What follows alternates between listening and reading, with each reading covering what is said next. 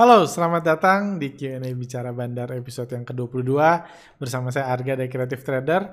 Dalam podcast kali ini saya akan menjawab pertanyaan-pertanyaan masuk di podcast-podcast kami uh, sebelumnya dari para penonton setia. Ada pertanyaan tentang bagaimana mengidentifikasi perusahaan busuk yang mau IPO dan tujuannya mau dibuang ke investor retail. Juga ada pertanyaan tentang siapa yang jadi bandar Bukalapak, tentang right issue BBRI, tentang bagaimana mendeteksi apa bagaimana uh, mendeteksi pergerakan bandar melalui volume uh, melalui volume perdagangan juga tentang uh, pandemik. Gimana nasibnya kalau di Indonesia ini pandemiknya berkepanjangan di Indonesia PPKM-nya nggak dibuka-buka karena varian Delta gimana nasib IHSG kurang lebih itu yang saya akan bahas. Oke mari kita mulai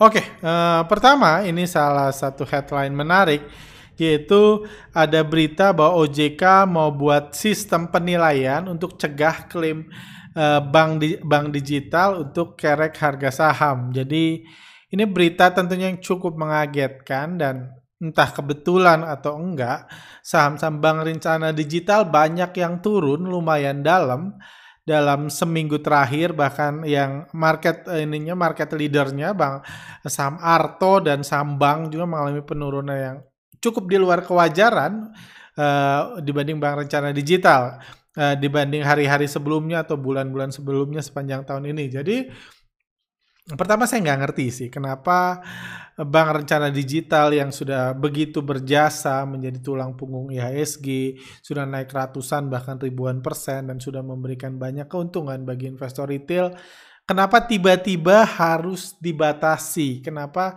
uh, sepertinya uh, sepertinya ada yang salah dengan digorengnya bank rencana digital ini atau klaim bank digital ini sepertinya ada yang salah harga sahamnya dikerek ini pun saya nggak ngerti masalahnya di mana sih sebenarnya apakah mm, dan eh, dan mungkin salah satu yang ini yang yang apa yang kurang pas di bursa kita itu sampai saat ini sampai detik ini ini udah bulan September tahun 2021 kayak gitu udah cukup lama stock market uh, eh, 2.0 ini berlangsung gitu. Tapi sampai saat ini masih banyak pihak-pihak yang beranggapan kalau harga saham digoreng dan fundamentalnya nggak ada atau fundamentalnya nggak mencerminkan digorengnya harga itu itu salah itu ya itu pemahaman dulu lah.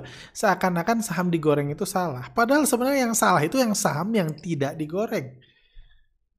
Eh, bukan yang salah, salah benar penilaian masing-masing lah. Cuman at least kalau kalau investor retail itu dipedulikan, kayak gitu sebenarnya yang yang salah itu yang paling menyiksa retail ada perusahaan yang katanya bagus, yang fundamentalnya bagus, yang laporan keuangannya bagus, yang bisnisnya jelas, tapi sahamnya nggak digoreng-goreng. Jangan salahkan retail untuk pindah ke bank rencana digital kalau perusahaan-perusahaan jelas yang prospeknya dibilang cerah banget, penjualannya besar, untungnya puluhan triliun setahun kayak gitu, itu nggak pernah digoreng. Kalau memang pengen mempedulikan retail. Jadi harapan saya sih itu PR bagi para edukator adalah kita jangan lagi mengatakan saham digoreng itu jelek Orang beli saham karena berharap sahamnya digoreng bandar. Mayoritas lah. Ada, eh memang ada mungkin yang beli, bersa, beli saham berharap nyangkut buat investasi jangka panjang. Mungkin ada. Satu dua. Cuma mayoritas kan pengen harga sahamnya naik. Pengen harga sahamnya digoreng. Jadi sebenarnya harusnya fokusnya jangan membatasi. Toh udah naik ribuan persen. Kenapa lagi harus dibatasi? Apalagi manfaatnya apa kayak gitu. Dan uh, kami buat survei uh, survei di hari yang sama. Ini uh, kami bertanya apakah anda setuju dengan langkah OJK untuk mencegah digorengnya harga saham bank rencana digital tetapi tidak berbuat apa-apa pada saham yang harganya terus turun dan sudah lama tidak digoreng Menariknya 49% dari 1486 votes dan sekarang kalau Anda lihat di channel Telegram kami udah ada 3000 lebih votes gitu. 49 persennya, setengahnya menganggap yang seharusnya jadi fokus OJK adalah saham-saham yang terus turun dan sudah lama nggak digoreng. Ada saham seperti HMSP, GGRM, Unilever itu udah lama banget turun dan nggak digoreng. Atau mungkin yang bisa jadi ini concern adalah saham batu bara gitu. Itu digorengnya cuma sebentar doang jatuh lagi, digoreng sebentar doang jatuh lagi. Padahal harga saham bat, harga batu bara itu udah hampir naik tiga kali lipat dari rekor terendahnya. Kayak gitu. Di rekor terendahnya kalau nggak salah di masa pandemi ini udah 175 udah sama-sama 2008. 2008 lalu harga bumi 8000 Harga bumi resources 2008 lalu itu 8000. Sekarang 56. Apakah batu baranya habis? Enggak, banyakkan sekarang jualannya daripada 2008 lalu. Kayak gitu. Jadi menurut saya saham-saham yang nggak digoreng yang harusnya jadi fokus. Bukan saham-saham yang digoreng. Dan 49% pemilih dari 1400 ini atau bahkan 3000 ini setuju bahwa fokusnya harusnya ke saham-saham yang nggak digoreng. 30% tidak setuju. Kalau uh, digorengnya bank rencana digital, kenaikan bank uh, berharap uh, uh, uh, uh, kenaikan uh, bank rencana digital itu harusnya dibebaskan dan 21% itu mendukung langkah OJK. Jadi mungkin ini yang nggak kebagian cuan mendukung uh, kenaikan bank rencana digital itu digorengnya bank rencana saham bank rencana digital itu dicegah. Jadi least 80% berharap jangan dicegah, dibebaskan aja dan kalau bisa fokus ke saham yang nggak digoreng. Kayak gitu. Ada poin menarik lain, ini berita, jadi kalau Anda uh, berlangganan Bloomberg, Anda menyadari beberapa minggu terakhir Bloomberg berulang kali uh, apa ini menyerang CFA. CFA itu institusi pengadaan sertifikat buat komentator saham terbesar setahu saya. Jadi kalau uh, teman-teman misalnya yang mau berkarir di dunia komentator saham, stock commentary itu, kalau Anda mau cepat naik gaji, kalau mau dapat jabatan bagus, sebaiknya punya koleksi sertifikat CFA. Tapi di sini Bloomberg makan mengatakan ini impossible dan pointless. Dalam pembahasan sebelumnya dibilang bahwa ini nggak membuat Anda jadi investor saham yang lebih baik. Karena sejak kapan juga CFA ada hubungannya sama investor saham. Insaf itu hubungannya sama komentator saham. Itu dua profesi yang berbeda. Sama-sama pemain bola, sama-sama komentator bola ya tentunya beda.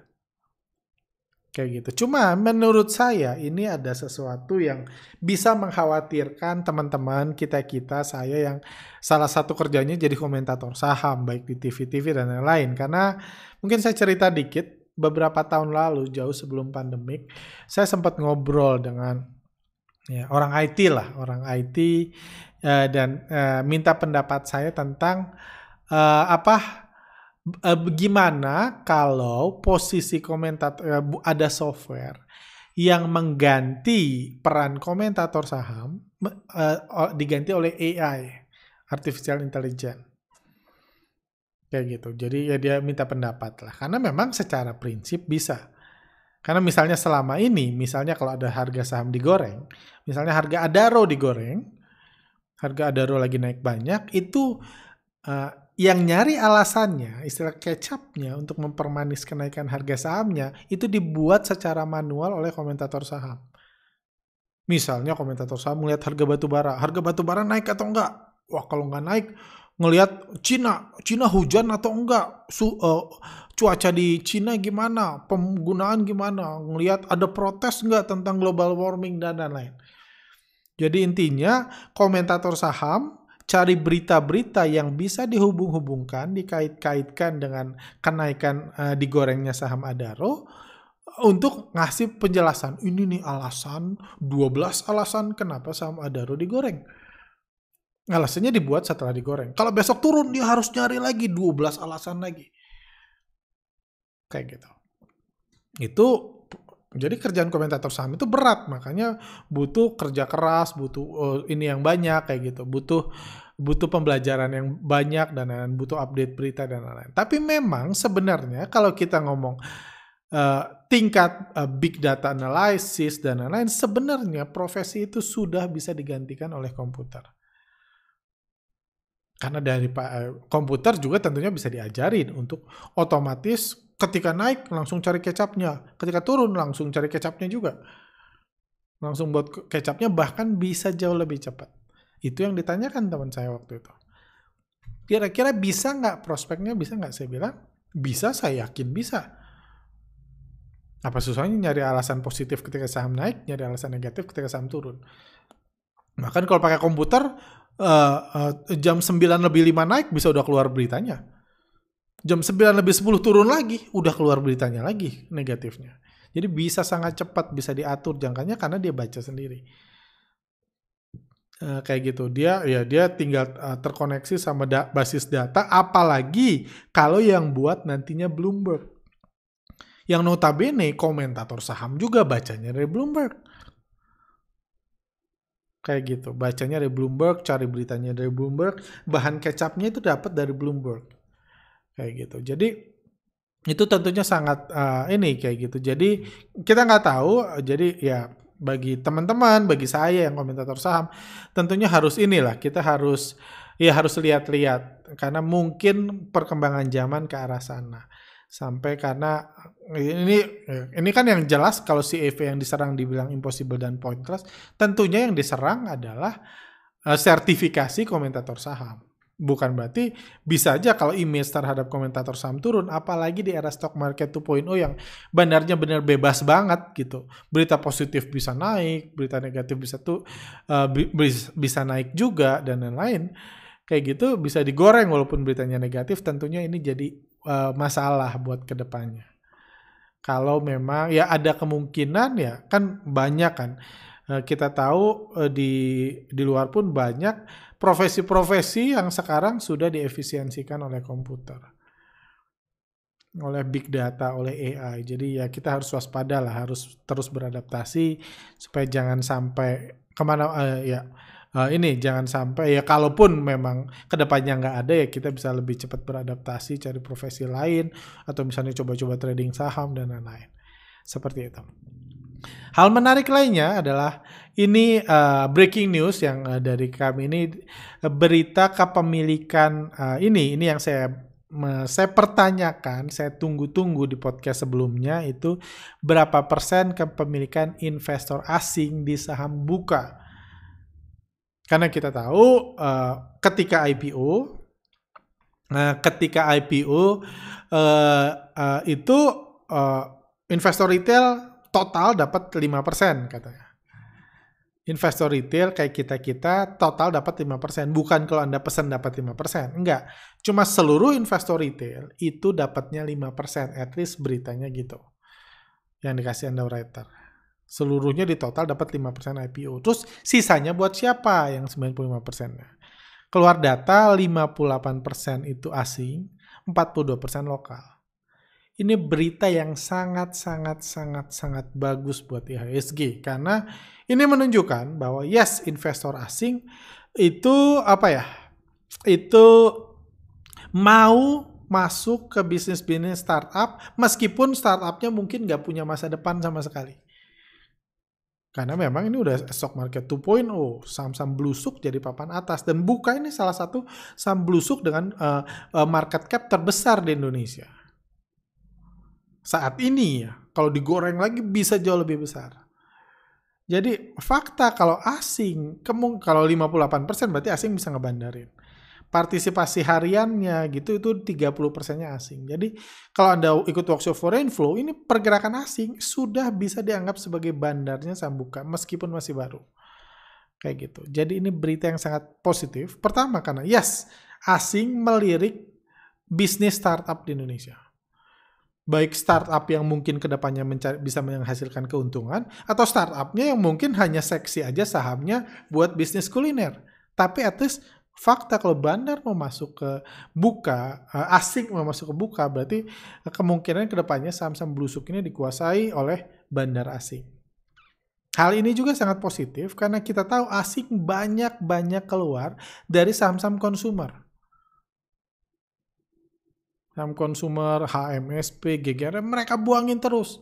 Meskipun perusahaannya untungnya besar, gua nggak peduli, gue guyur aja terus gue hancurin sahamnya. Jadi mungkin mereka mau bertransisi nih ke perusahaan dari perusahaan bagus yang bisnisnya membosankan, boring gitu ya, gitu-gitu aja gitu. Jualan sampo gitu-gitu aja, jualan deterjen gitu-gitu aja, jualan rokok gitu-gitu aja, ke bisnis yang mungkin ya sangat tidak bisa diprediksi. Kita aja nggak yakin Bukalapak ini 10 tahun lagi masih ada atau enggak. Tapi fakta kalau investor asing mau mengurus sahamnya, mau ngebandai sahamnya ini berita yang sangat cerah untuk masa depan IHSG dan saham blusuk. Karena ke depannya rencananya kan uh, ya beli-beli mau IPO, tiket.com, akan ada Halodoc dan semua startup itu tentunya butuh IPO supaya para pemiliknya bisa jadi orang terkaya di Indonesia, para investornya bisa keluar dan uh, bisa menyerap dana investor retail. Karena venture capital itu setahu saya sampai detik ini nggak nyerap dana investor retail. Terus kapan mereka profit takingnya nanti ketika IPO. Kayak gitu. Ini 50% ini data kese akhir bulan Agustus, 58%-nya dimiliki asing, 42%-nya dimiliki lokal. Yang menarik juga adalah kalau dilihat ini uh, dari data kese lokal individual, investor lok. Jadi kese itu kan ada investor uh, reksadana asing, reksadana lokal, dana pensiun asing, dana pensiun lokal, dan lain-lain. Dan lokal individual itu 26%. Lokal individual itu saya, saya orang lokal individual. Saya yakin mayoritas dari Anda yang nonton ini juga adalah lokal individual. Investor lokal individual itu kita-kita. Jadi ini yang sering dianggap investor retail. Cuman investor retail di sini itu 26 persen investor retail. Ini dan ini cukup besar. Cuma ya ini juga pembelajaran tambahan. Jadi kita tahu di buka ini kita bisa banyak belajar dari IPO buka ini karena uh, 20 uh, jangan lupa uh, uh, saham buka itu dimiliki oleh banyak direksi. Direksi udah kebagian saham. Mantan direksi, founder, pejabat dan lain-lain itu udah dapat saham buka. Dan mereka-mereka itu kalau mereka memiliki atas nama perorangan masuk lokal individual. Orang lokal yang punya saham buka. Jadi saya sih percaya retail-retail rakyat jelata kayak kitanya paling 5-10%. Paling banyak sekarang. Tapi sisanya ya pejabat, uh, anak anak pendiri gitu, anak uh, perusahaan investor amula-mula, founder dan lain-lain. Jadi ini menarik sih fakta ini. Jadi saya sendiri belum khawatir saham ini akan segera digocapkan, harga kemungkinan delisting kalau seperti saham-saham yang kepemilikan retailnya udah terlalu besar yang nggak bisa naik-naik lagi. Kayak gitu. Ini juga ini dari data saya juga komposisi kepemilikan buka individualnya 26%, corporate-nya 29, reksadana, asuransi, investment banking, dana pensiun itu punya banyak saham ini. Jadi ini juga sangat bagus karena ini menunjukkan kalau uh, apa? Karena ini menunjukkan bahwa ini saham berusuk itu sudah jadi target market, sudah jadi salah satu portfolio idaman baik bagi uh, corporate, investment banking, dana pensiun, reksadana, it, asuransi dan lain-lain. Mereka semua udah mau saham buka mereka semua udah nyimpen saham buka di perusahaannya. Saya yakin mereka juga nggak tahu buka 10 tahun lagi masih ada atau enggak. Saya yakin mereka juga bingung ini buka ini untungnya gimana. Saya yakin. Ya, ya saya cukup yakin lah. Mereka juga bingung ini buka ini untungnya gimana. Siapa yang belajar buka? Saya yakin mereka pun punya. Cuma jangan lupa sekarang kebutuhan akan aset yang seksi, aset digital, startup, di era yang booming di masa pandemik ini sudah sangat tinggi. Jadi yang penting punya dulu lah. Untung atau enggak gimana ntar. Selama kita bisa goreng jual ke retail di harga atas itu good enough. Nggak usah lah berharap dividen-dividenan zaman sekarang kayak gitu kan. Kayak gitu. Jadi ini salah satu ya, perubahan yang menarik di bursa saham. Oke. Okay? Uh, eh, Oke okay, lanjut. Udah kelamaan. Uh, ini uh, juga ini beberapa minggu kemarin kami membuat uh, video. Jadi video ini adalah cuplikan. Kami post uh, video di YouTube kami di mana cuplikan dari konten-konten yang apa pertanyaan-pertanyaan atau konten-konten yang banyak disukai oleh investor penonton dan kami cut. Jadi cuplikan-cuplikan the best part of bicara bandar. Jadi ke depannya pun kami akan lebih sering supaya teman-teman yang karena banyak sekali pertanyaan, gimana nih saya mau belajar? Saya bilang nonton aja podcastnya dari awal. Waduh itu masing-masing podcastnya 40 menit, 50 menit, ada 70, ada, ada 60, bingung. Jadi yang terbaik-terbaiknya ke depannya akan kami post terpisah supaya bisa ditonton 5 menit, 3 menit buat bantuan rekan-rekan. Seperti itu. Oke, oke sekarang kita masuk ke pertanyaan uh, atau komentar. Edo RS, market udah berubah. I, uh, itu tren PBU. Ini kemungkinan pertanyaan dari ini ya. Komentar dari uh, yang Profesor Kecap ini, teori Profesor Kecap yang saya sarankan kalau Anda belum nonton, nonton aja videonya itu uh, uh, apa uh, rangkuman dari apa uh, klip dari uh, podcast kami beberapa minggu yang lalu dari Edo RS market udah berubah uh, uh, uh, itu tren PBV tren zamannya orang-orang yang lahir sebelum milenial anak-anak generasi milenial sama uh, Z nggak memperhatikan itu sekarang mereka lahir udah ada bisnis model-model unicorn yang model bisnisnya merugi. Jadi mereka nggak mandang fundamental. Setuju banget. Apalagi bursa sekarang kebanyakan anak milenial zaman uh, sama Z udah ganti generasi lah. Wajar aja saham-saham yang fundamentalnya nggak begitu baik mudah naik. Jadi kalau mau bertahan ha harus berubah. Masa lalu uh, bisa jadi kan uh, pelajaran, tapi jangan selalu ke belakang. Warren Buffett aja uh, udah jadi venture capital, setuju. Lo Keng Hong udah jadi brand ambassador, setuju. Dan uh, dari uh, dari sini kita belajar bertahan.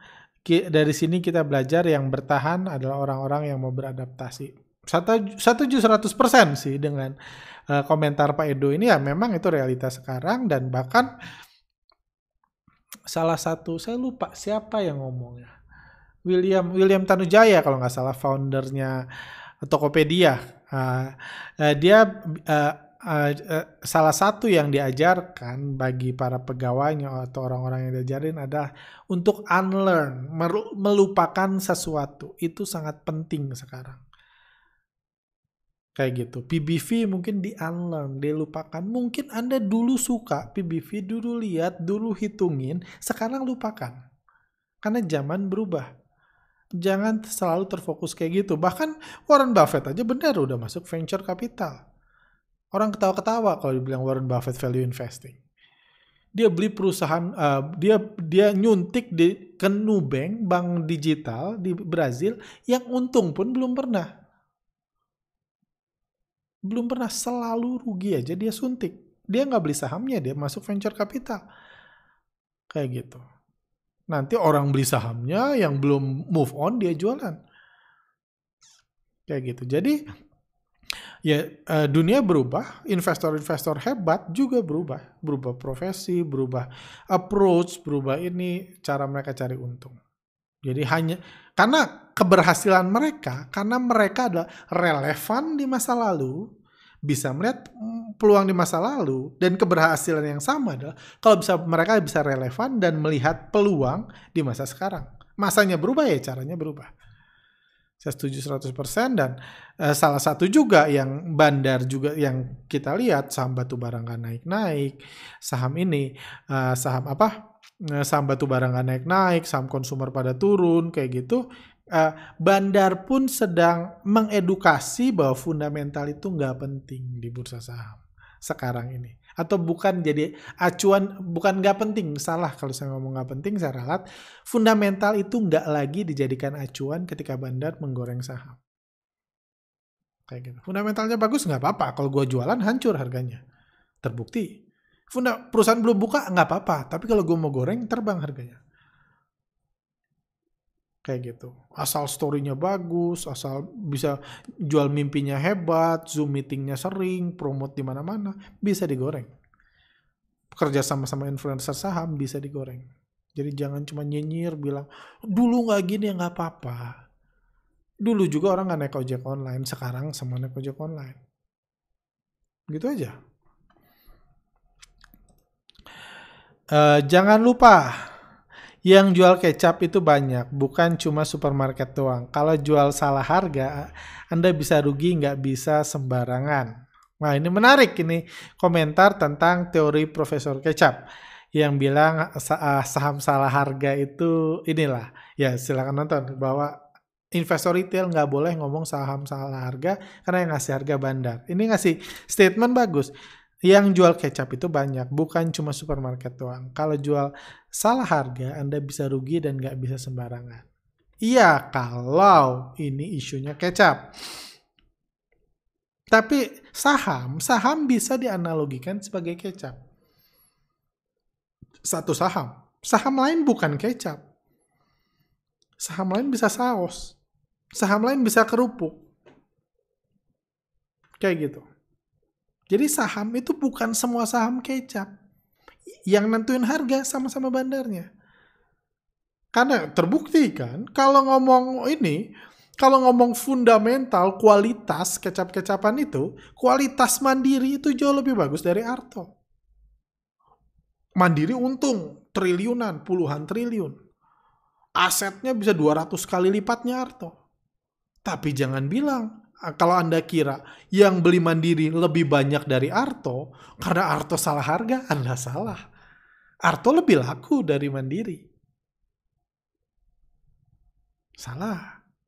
Jadi, inilah tentang ngomong bagaimana Anda mempromot kecap tersebut. Bagaimana bandar mengconvince orang untuk membeli kecap saya yang harganya menurut Anda salah urusan situ. Gimana cara menjual perusahaan yang sudah berhenti memberikan laporan keuangan tapi harga sahamnya terus digoreng. Gimana caranya? Karena waktu memberikan laporan keuangan harga sahamnya turun terus, nggak naik-naik. Sekarang digoreng. Kita berhenti aja. Karena kalau memberikan laporan keuangan ketahuan bisnisnya busuk banget. Ya udah kita stop dong. Harga sahamnya bisa naik ribuan persen. Kayak gitu. Jadi kita nggak bisa ngomong kayak gitu karena orang membeli saham itu tidak dibandingkan dengan saham lain. Kalau mau membandingkan itu investor zaman dulu. Sekarang nggak ada urusan. Anda boleh menganggap mandiri lebih bagus, harga harga wajarnya lebih mahal nggak apa-apa. Cuma yang lebih laku itu Arto. Transaksinya yang lebih besar Arto. Yang naik lebih banyak itu Arto. Kayak gitu. Lanjut. Kalau melihat orang di US dan Eropa sudah bisa beraktivitas dengan normal, sementara di Indonesia masih PPKM. Gimana pandangan CTS kalau PPKM di Indonesia ini terus diperpanjang sampai 2-3 tahun ke depan karena varian Delta nggak bisa dibendung vaksin Sinovac. Kalau ekonomi terus terpuruk, semua orang akan tambah miskin. Lama-lama orang nggak akan beli saham lagi karena beli makan aja sudah sulit pengusaha-pengusaha yang bisnis kuliner di bursa juga tentunya nggak akan bisa selamanya ngegoreng perusahaan busuknya kalau bisnis realnya sudah berhenti karena pandemik. Uh, ya saya jawab paling bawah dulu ya. Yes, pengusaha-pengusaha yang bisnis kuliner kalau bisnisnya sudah berhenti di masa pandemik itu ya nggak selamanya sahamnya bisa digoreng yes kalau dia tiba-tiba gagal bayar obligasi, sahamnya nggak bisa digoreng lagi, sahamnya akan disuspend. Kayak trio, tele ya, kayak tele, sahamnya akan disuspend. Kayak gitu. Cuma ya bisa diurus-urus lah biar bisa dibuka. Atau solusinya ya berhenti memberikan laporan keuangan kalau memang bisnisnya sudah berhenti supaya saham bisa fokus ngegoreng sahamnya di bisnis kuliner. Kalau dua dan dan menurut saya itu nggak harus seterusnya ya kalau Anda punya perusahaan besar, tadinya bagus, sekarang berhenti karena pandemik, bisnisnya hancur, karena pandemik yang notabene bukan salah perusahaan juga gitu. Kalau memang mau digoreng-goreng dijual ke retail, nggak harus seterusnya sampai 20 tahun ke depan, perusahaannya tutup terus, dan terus digoreng-goreng nggak harus menurut saya. Menurut saya solusinya digoreng-goreng dulu, ketika sudah diberikan ke investor retail uh, dalam jumlah cukup besar, modal sudah terkumpul, gitu sudah bisa menyerap modal, bisa IPO lagi perusahaan lain. Kan gampang buat perusahaan, bisa mulai dari sekarang gitu kan, bisa jualan antigen, yang kekinian dan lain-lain. Itu bisnis antigen, bisnis apalah gitu, hand sanitizer dan lain-lain bisa IPO, bisa digoreng perusahaan baru. Kayak gitu. Apalagi sekarang kan nggak harus untung, nggak harus apa untuk IPO. Gitu sih. Kalau ya itu yang pengusaha. Cuma kalau ekonomi terus terpuruk, semua orang tambah miskin, lama-lama nggak akan beli saham lagi. Saya setuju memang kalau PPKM ini atau kondisi nggak berubah dari sekarang, sekarang PPKM sudah mulai longgar, cuman kondisi nggak berubah dari tahun ini, 2-3 tahun ke depan, tentunya akan ada banyak orang yang semakin miskin kasarnya gitu. Miskin itu artinya apa? Eh, definisinya miskin adalah semak definisi semakin miskin adalah uang di tabungannya semakin hari semakin berkurang. Dari bulan ke bulan berkurang. Mungkin sebelum pandemik uang di tabungannya 100 juta, setelah 2 tahun pandemik tinggal 12 juta. Karena penghasilannya turun dan lain-lain, bisnisnya sepi dan lain-lain. Yes, itu bisa terjadi. Bisa terjadi dan semakin banyak orang yang miskin itu uh, ya semakin uh, tentunya kalau orang semakin mepet tentunya akan sulit, akan sulit untuk ya beli saham. Cuman tentunya salah satu yang menarik dari saham di era kejatuhan ekonomi ini saham itu sangat liquid jadi menarik. Karena ujung karena jangan lupa ya, faktanya adalah di masa pandemik ini jumlah uang nggak berkurang bahkan bertambah. Di Amerika uang dicetakin. Setiap bulan nyetak uang baru. Bailout ini, bantuan ini, uang dicetakin. Uang nggak berkurang, uang bertambah. Anda kira rupiah, jumlah rupiah itu berkurang di masa pandemik ini? Salah.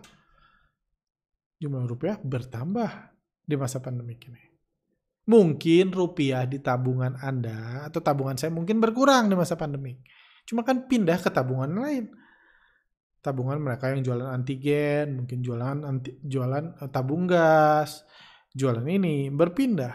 Jadi uangnya nggak berkurang, memang jadi lebih terpusat ke orang-orang tertentu. Tapi nggak berkurang. Kurang ke mana uangnya? Bahkan yang keluar negeri lebih sedikit, jadi uang di Indonesia itu bertambah. Jadi itu faktanya.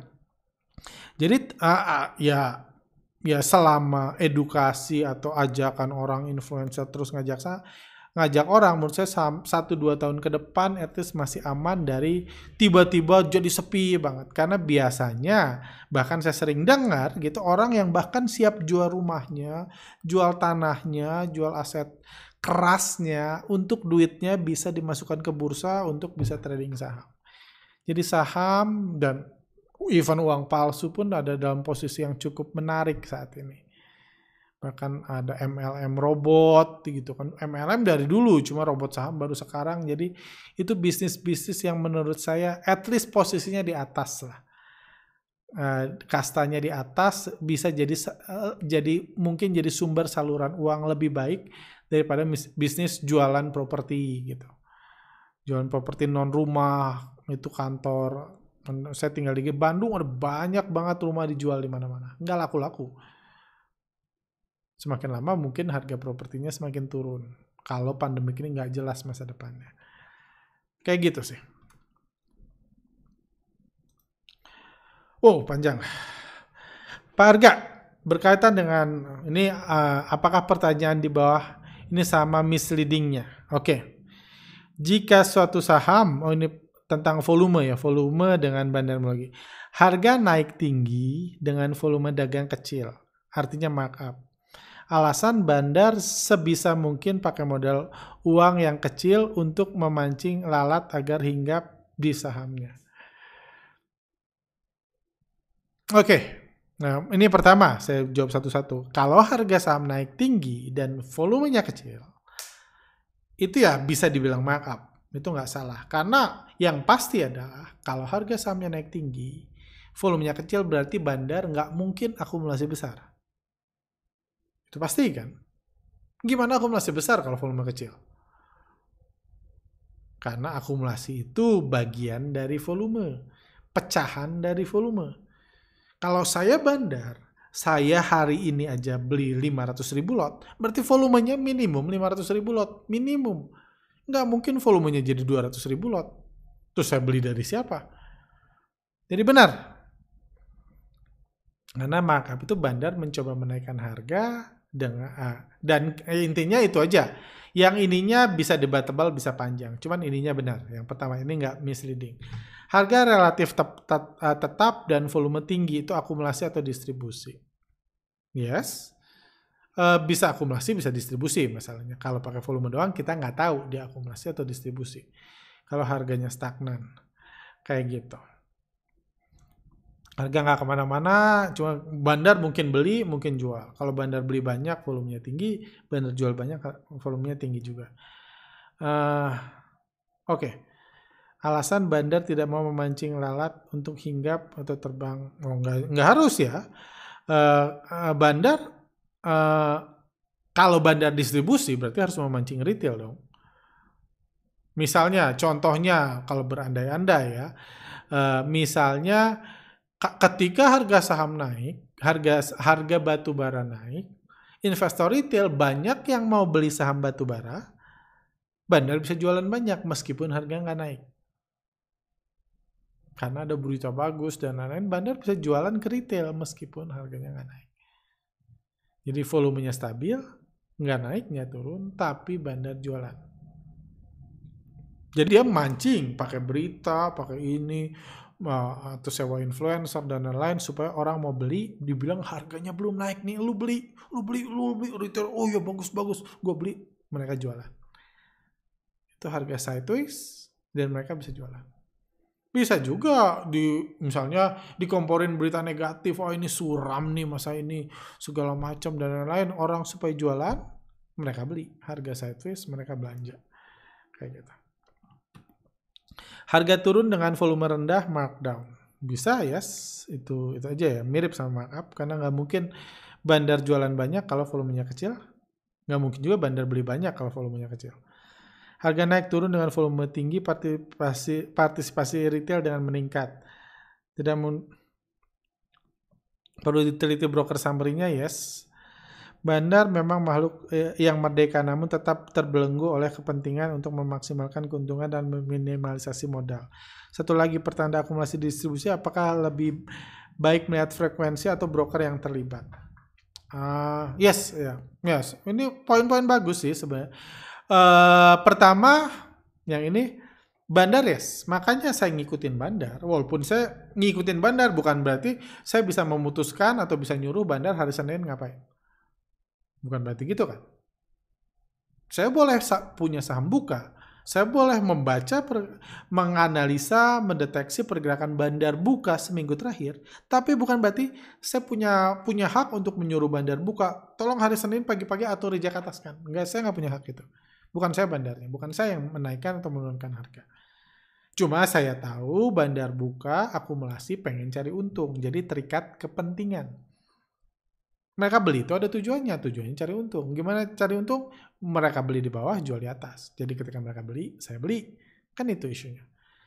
Jadi itulah dasar dari analisa bandarmologi.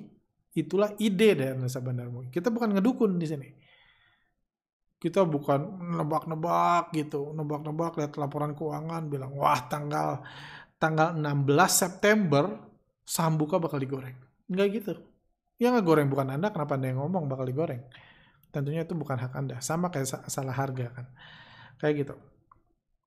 Kalau bisa melihat pertanda akumulasi distribusi dari frekuensi, itu salah satu riset awal kami 10 tahun yang lalu. Mungkin risetnya di sampai selama tiga tahun, tapi akhirnya kami buang karena kami nggak merasa ada cukup manfaat dari menganalisa frekuensi perdagangan.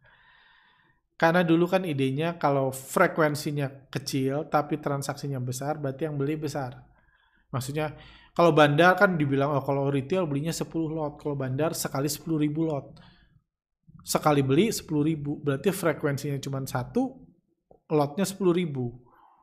Jadi itulah yang di yang di yang diperdalam. Cuman masalahnya bandar bisa beli 10.000 lot 10.000 kali juga bisa. Udah pakai software udah itu udah canggih jadi itu nggak terlalu guna lagi.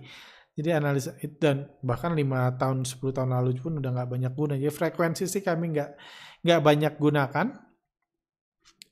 Analisa frekuensi mungkin ber, uh, bisa jadi berkembang lagi nanti kalau jadi data broker summary ditutup pas jam market. Itu mungkin ya mungkin frekuensinya berkurang bandar nggak terlalu banyak triknya jadi lebih mudah menganalisanya itu mungkin. Atau jumlah broker terlibat ya, jumlah broker terlibat itu jauh lebih penting. Next. Mohon pembahasan tentang right issue BRI. Apakah harus ditebus dan bagaimana prospek BRI setelah right issue? Udah pernah bahas? Uh, uh, apakah harus ditebus ya kalau anda punya duit nggak mau terdelusi ya tebus aja sih kan nggak beda jauh juga sama harganya itu. Nah, bagaimana prospek setelah right issue? Menurut saya bagus. Nah, ini beberapa poin yang saya kalau saya disuruh saya diminta jadi influencer yang menjual BRI, saya akan ngomong poin-poin ini. Ini saya ngomong ini karena ditanya ya, bukan saya mau jualan BRI kayak gitu. Saya bukan bandar BRI anyway. Uh, Poinnya pertama BRI membuktikan meskipun PPKM, meskipun ini perusahaan ini tetap aman, tetap bisa memberikan keuntungan. Itu poin sangat bagus. Jadi meskipun resesi dan lain tetap memberikan keuntungan. Jadi aman, bisnisnya aman. Bisa tetap untung, bisa tetap ngasih dividen buat negara, dan bisa nih, dan uh, aman dari kebangkrutan berarti bisa terus digoreng-goreng sahamnya karena nggak bangkrut, nggak gagal bayar dan lain-lain. Itu satu. Kedua, terbukti juga kepemilikan investor asing di BRI itu misalnya kita lihat. Uh, oops, sorry.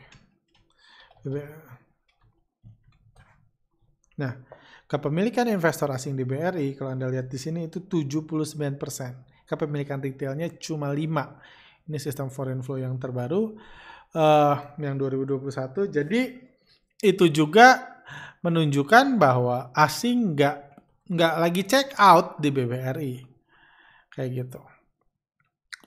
Itu poin kedua. Jadi asing masih peduli asing nggak jualan terus BBRI kayak jualan HMSP Unilever dan lain-lain. Jadi asing peduli dan masih cukup aktif akumulasi distribusi masih cari duit di situ. Jadi harga sahamnya masih aman. Itu dan sebenarnya right issue ini adalah langkah pemerintah saya juga bahas untuk istilahnya minta duit dari investor asing karena kalau terakhir saya baca, saya yakin belum berubah sih, bahwa right issue-nya itu kan BR itu mayoritas dimiliki oleh negara. Right issue itu semua pemegang saham harus nyuntik duit. Cuma menariknya adalah duit yang disuntik negara dipakai beli pegadaian dan lain-lain. Yang notabene milik pemerintah. Jadi uang dari saku kanan, dari APBN, suntik ke BRI, suntik buat right issue BRI dibelikan pegadaian masuk lagi APBN. Jadi cuma pindah saku doang. Itu duit yang karena kan namanya right issue semua pemegang saham harus naruh duit. Negara sebagai pemegang saham mayoritas pengendali dapatnya itu. Jadi negara nggak keluar duit. Tapi uang yang didapat dari 79% investor asing, ini kan kalau eh, data foreign flow itu dari yang 79% tadi itu dari saham yang ada di luar, bukan milik negara. Saham negara kan nggak boleh dijual. Dari 79% saham yang ada di publik, itu dari, dari 100% saham yang itu uh, publik, 79%-nya dimiliki asing. Dan asing itu harus setor ke BRI untuk memperkuat modal. Itu juga langkah jenius ya kasarnya malakin asing lah. Kapan lagi? That's, uh, ini satu hal yang bagus dan kalau pandemi ini berlangsung terus, apalagi uh, saham-saham yang dimiliki asing kemungkinan yang saham-saham BUMN yang banyak dikuasai asing kemungkinan akan terus dipalak asingnya di situ. Dan good. Dan kalau ngomong buat perusahaan itu bagus juga kan dapat permodalan lebih kuat kalau ke depannya kondisi pandemik semakin sulit dan negara pun nggak keluar duit karena cuma pindah tangan doang. Uh, gitu. Oke lanjut Uh, jadi analis tolong bias, uh, biasakan pakai bahasa yang elegan ya. Uh, ngomongnya jangan kayak orang nggak berpendidikan dan ngerusak image orang ke analis beneran. Aduh ini uh, ini haters. Uh, juga tolong jangan ngejelek-jelekin analisa orang lain supaya orang mau percaya sama analisa Anda. Kalau memang Anda merasa pintar, ayo kita debat terbuka. Nah, kita buktikan siapa siapa analis beneran mungkin, siapa analis abal-abal. Oke sih, saya apa yang mau saya bahas nggak ada sih. Uh, ya saya bacakan aja. Nah, udah ini udah masuk sini, saya coba balas. Ya kalau kalau ngomongnya kurang berpendidikan, mohon maaf karena ya ya kembali lagi ya meskipun ya saya komentator saham tapi ya saya bukan komentator saham bersertifikat saya nggak koleksi sertifikat nggak ada di di dinding saya gitu sertifikat saya nggak saya bukan saya nggak minat koleksi sertifikat jadi memang jadi memang kurang berpendidikan benar gitu cuma S1 pas-pasan uh, dan eh, dan poin saya oh ya jadi kalau menurut saya itu ada dua cara orang untuk merepresentasikan untuk apa ya? Ada dua tujuan atau dua gaya lah, dua gaya. Nggak ada yang salah, nggak ada yang benar, ada dua gaya. Ada dua gaya untuk membuat orang mengerti atau percaya dengan apa yang saya apa yang dikatakan. Pertama adalah metode uh, kolektor sertifikat jadi menunjukkan gue pintar. Ini jabatan gue. Ini gelar gue. Kalau perlu sebelum ngomong tunjukin dulu IPK-nya. Ini IPK gue. Ini kuliah gue. Jadi ngomong. Jadi orang lihat wah ini orang pintar banget. Gue dengerin. Gue dengerin. Kayak gitu. Itu approach mereka yang ya punya privilege. Dia oh, jabatannya bagus. Sertifikatnya banyak dan lain-lain. Jadi pakai dengan itu buat orang wah ini orang pintar didengerin. Satu. Saya nggak punya itu, saya nggak bisa kayak gitu. Saya nggak mau menghabiskan waktu saya untuk ujian-ujian dan lain-lain, jadi memang kurang berpendidikan. Jadi saya mencoba mengajak, karena yang saya inginkan adalah bukan orang menganggap saya pintar, tapi orang jadi pintar dengan omongan saya. Mendengar omongan saya, itu tujuan saya buat podcast. Buat orang, buat Anda, teman-teman di sini jadi pintar. Bukan membuat Anda merasa saya pintar. Apa gunanya buat Anda merasa saya pintar? atau merasa saya bodoh nggak ada gunanya dua-dua kayak gitu kalau saya saya lebih prefer buat bahasa yang sederhana bahasa yang provokatif bahasa yang mengorek pikiran orang bertanya-tanya karena menurut saya cara orang ngajarin orang itu kayak gitu kalau cuma wah pinter banget pinter banget pinter banget udah itu pulang dapat apa tuh orang pinter banget ngomongin apa nggak ngerti gue anda nggak jadi pintar, cuma Anda tahu saya pintar misalnya. Jadi itu bukan approach saya. Memang nggak punya fasilitas juga sih buat itu. Kayak gitu. Cuma apalagi ngejelek-jelekin analisa orang lain. Ini juga banyak sih pertanyaan gini mungkin karena saking banyaknya yang ngomong kayak gini. Jadi memang di zaman perubahan kayak gini memang sulit anda kalau no, ketika saya blogger dulu, ketika saya penulis dulu, saya jarang kok gitu. Bahkan uh, di podcast-podcast awal bicara bandar season 1 pun saya bilang carilah saham dengan fundamental bagus. Beli saham Telkom, beli saham Unilever, beli saham Indofood, saya pun ngomong kayak gitu. Karena bisnisnya stabil di tengah ini. Cuma saya gengsinya nggak ketinggian. Ya, ya, menurut saya trader itu gengsi nggak boleh tinggi. Menurut saya itu salah satu yang dibutuhkan seorang investor atau trader harus bisa mengaku salah, harus bisa merubah strategi ketika anda salah, anda tahu anda salah. Karena kalau nggak mati anda, dihajar bandar. Anda menganggap akumulasi besok distribusi Anda ngotot. Bandar ke depan harus akumulasi. Ngotot terus. Padahal realita udah menunjukkan yang lain. Anda tetap ngotot itu membahayakan. Jadi saya sih nggak masalah. Saya ketika asing jualan, ketika uh, uh, IHSG dikendalikan oleh asing, saya bilang IHSG dikendalikan oleh asing. Di apalagi di kuartal ke uh, kedua kemarin, ya, bulan Juli, bulan Agustus, kayak gitu. Ketika saham blusuk merajai, saya juga yang bilang bahwa kekuatan asing mulai berkurang karena didomina karena bandar lokal cetak saham saya juga yang bilang haters bisa bilang lu dulu ngomong bisa nunjukin videonya ini tuh nunjukin kalau in, uh, investor asing di bandar ngebandarin IHSG atau IHSG iya saya ngomong itu cuma saya juga ngomong berubah karena saya nggak masalah berubah Saya nggak harus ngotot. Saya kalau perlu ngejelek-jelekin foreign flow, kalau memang jelek ya saya jelek-jelekin. Gimana kalau jadi nggak laku ya nggak apa-apa. Workshop foreign flow jadi nggak laku ya dua bulan tiga bulan lalu nggak laku workshop foreign flow nggak masalah kan.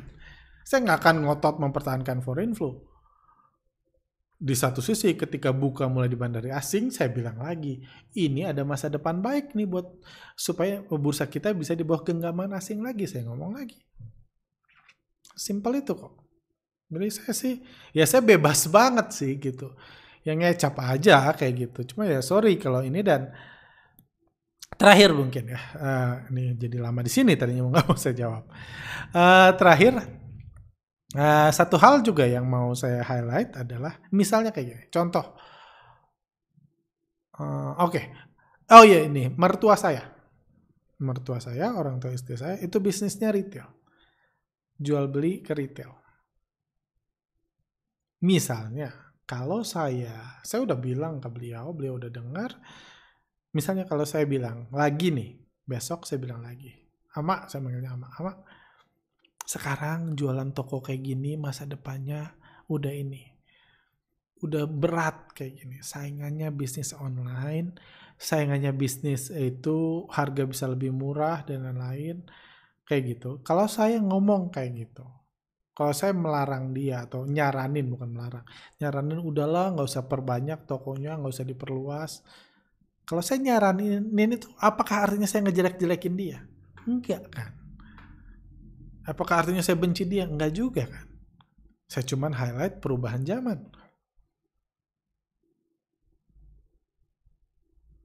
Dia mau ngerti syukur, enggak juga enggak apa-apa. Yang pasti saya ngomong itu maksudnya baik loh. Saya ngomong perubahan zaman. Kenapa kalau saya ngomongin perubahan zaman di bursa saham kesannya saya ngejelek-jelekin? Kan enggak. Kalau Anda analis fundamental, tahu analisa Anda udah nggak kepake lagi, ya rubah analisa Anda. Kalau value investing udah nggak dipakai, ya pakai busuk investing. Eh, blusuk investing. Salah sebut lagi. Kayak gitu. Kembangkan blusuk investing. Belajar startup. Saya bahkan ngajarin cara valuasi startup di webinar Bukalapak lalu. Jadi banyak peluang kalau kita mau punya hati dan pikiran yang terbuka. Dan kalau kita nggak punya pikiran yang terbuka dan nggak siap mengakui kesalahan, bursa saham bisa tempat yang sangat berbahaya.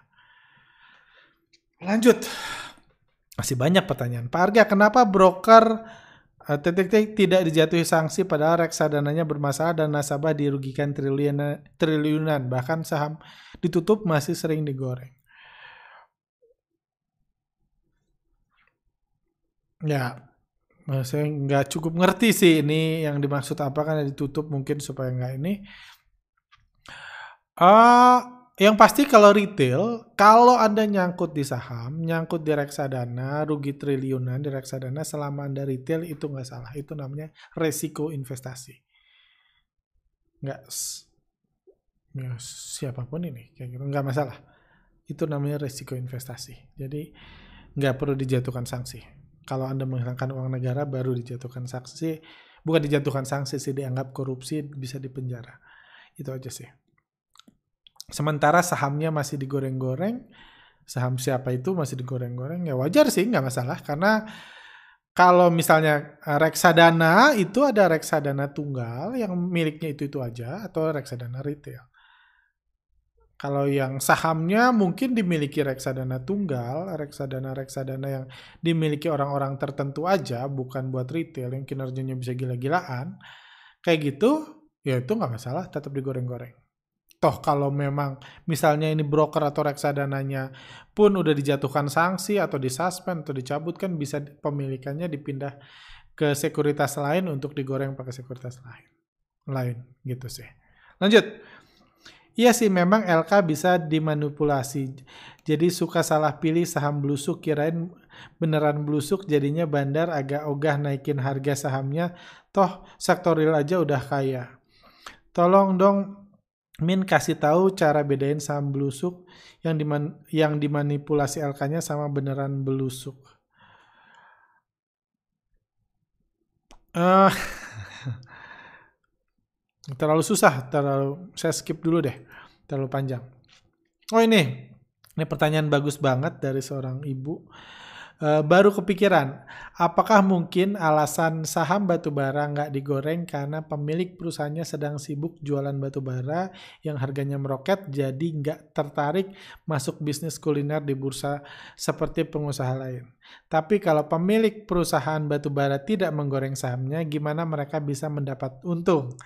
Uh, hasil jualannya hasil jual, penjualan batu bara kan masuk kas perusahaan bukan ke kantong pemilik. Benar atau tidak pemahaman saya?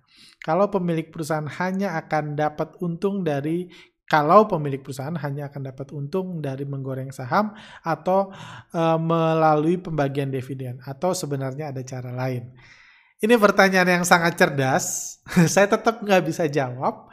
Cuma saya pastikan kalau Anda lihat Instagram kami, lihat post ini, Anda lihat, Anda baca-baca komentarnya di bawah, ada banyak jawaban yang akan yang sangat cerdas, yang Anda baca sendiri aja make sense atau enggak.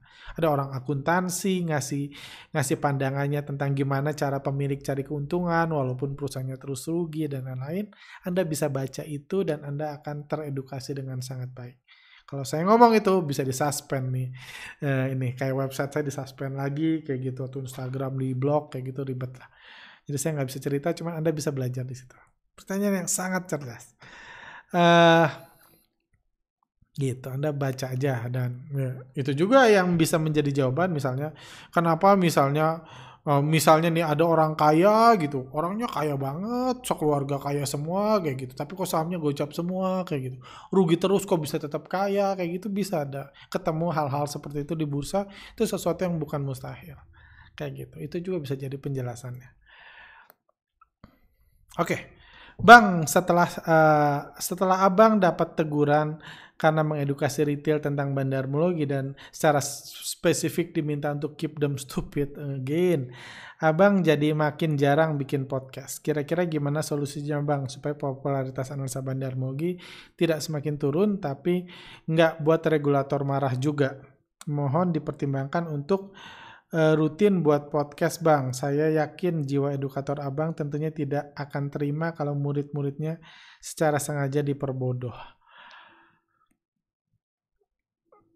Ah, saya udah jelaskan at least satu dua bulan ini saya jarang buat podcast. Alasan utamanya bukan untuk membuat rekan-rekan jadi bodoh karena saya yakin orang Anda nggak akan jadi bodoh karena saya nggak buat podcast kok bisa gitu? Kayak gitu kan? Karena saya nggak buat jadi Anda jadi bodoh saya yakin nggak gitu. Jadi alasan kami nggak buat podcast, saya jarang buat podcast karena saya lagi sibuk karena kami, saya kami sedang mengupgrade materi workshop semua materi workshop kami, sedang mengupgrade semua tools kami, sedang riset banyak tools bandarmologi, tools foreign flow sedang semua kami update untuk uh, lebih relevan dalam kondisi market yang baru ini. Kayak gitu karena memang risetnya jadi riset baru karena sebelumnya risetnya itu dipakai untuk beradaptasi dengan uh, rencana penutupan mata investor retail dengan menutupi data broker summary pas jam market. Tadinya fokus risetnya itu dari bulan Maret, bulan April, Mei, Juni siap-siap untuk penutupan bulan Juli. Di bulan Jun Juli dibilang jadi Agustus, kami siap-siap buat penutupan Agustus. Di bulan Juli, akhir Juli dibilang jadi uh, Januari, eh, jadi Desember. Oh, panjang kalau gitu kan riset udah diundur diundur jadi kami kalau gitu harus diupdate dulu toolsnya. Walaupun datanya kita nggak tahu data broker summary jadi ditutupi atau enggak. Cuma eh ditutupi pas jam market ya gitu. Data pergerakan broker pas jam market ditutupi atau enggak kita nggak tahu. Cuma ya jadi risetnya kami itu kami pending kami simpan buat akhir tahun. Jadi kami buat riset baru jadi kami sibuk di situ sih. Itu aja sih kayak gitu. Jadi ya nggak ke mana-mana sih itu alasannya Lanjut dulu deh. Pak Arga minta tolong uh, dicontohkan saham yang pemiliknya sudah pingin keluar dari awal IPO. Mungkin ini jawaban terakhir aja deh ya. Uh, uh, uh, di pemiliknya sudah pengen keluar dari awal IPO itu saya nggak mungkin mencontohkan sahamnya nanti dituntut saya kalau saya kasih tahu ini pemiliknya udah nggak tahan sama bisnis ini enggak. Cuma satu yang mungkin bisa jadi Anda jadi acuan Anda Misalnya Anda lihat bisnisnya. Salah satu ciri eh, bisnisnya sudah lama. Dibangun sejak 1970. Itu satu, berapa lama perusahaannya berdiri. Kedua, Anda lihat bisnisnya, bisnisnya apa?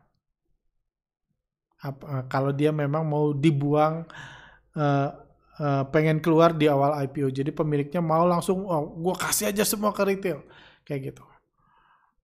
Uh, udah udah lama berdiri, bisnisnya masih relevan nggak? Kira-kira masih bisa ngasilin duit nggak? Kalau udah nggak bisa ngasilin duit itu besar lebih besar lagi peluang. Karena itu kan salah satu solusi kan kalau Anda bisnisnya berat di masa pandemik ini ya jual aja ke publik. Publik mau beli kok. Anda dapat duit, publik dapat saham.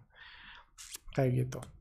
Itu kedua. Ketiga, perhatikan juga volume volume penjualan di awal. Jadi ada saham yang misalnya ada kasus saham misalnya di IPO-nya niatnya cuma dibilangnya cuma 2 juta lot. Tapi sebulan pertama aja udah ada jual 4 juta lot. Bayangin, IPO-nya 2 juta lot, tapi sebulan pertama misalnya misalnya udah di, udah total net sale-nya udah 4 juta lot di pasar reguler. Itu indikasi-indikasi lainnya bahwa wah ini pengen cepet-cepet nih di awal, pengen langsung diserah terimakan ke retail. Juga tentunya kalau saham kayak gitu tentunya butuh banyak promosi, banyak dipromot sama uh, uh, uh, grup-grup premium dan lain-lain, influencer saham banyak yang akan meng-highlight. Juga media pun diminta, bukan diminta ya, kan ya berita itu kan bisa ini kan, tolong beritakan dong kayak gitu. Tolong beritakan, ya diberitakan, media nggak bilang bakal digoreng, bakal dibuang nggak, cuman diberitakan supaya awareness investor retail dan keinginan investor retail membeli saham itu semakin tinggi supaya pemiliknya bisa keluar di awal. Itu aja sih mungkin. Oke, mungkin itu aja buat hari ini. Udah satu jam lebih juga, saya coba buat pendek tapi ternyata panjang. Uh, oh ya, kalau rekan-rekan punya pertanyaan, silahkan tulis di kolom komentar di bawah. Silahkan tulis, kalau Anda ada pertanyaan yang Anda suka, silahkan di like supaya saya bisa jawab di Q&A Q&A selanjutnya. Apa pun pertanyaannya, kalau banyak like-nya saya jawab. Oke, itu aja. Sehat selalu. Sampai jumpa di lain kesempatan.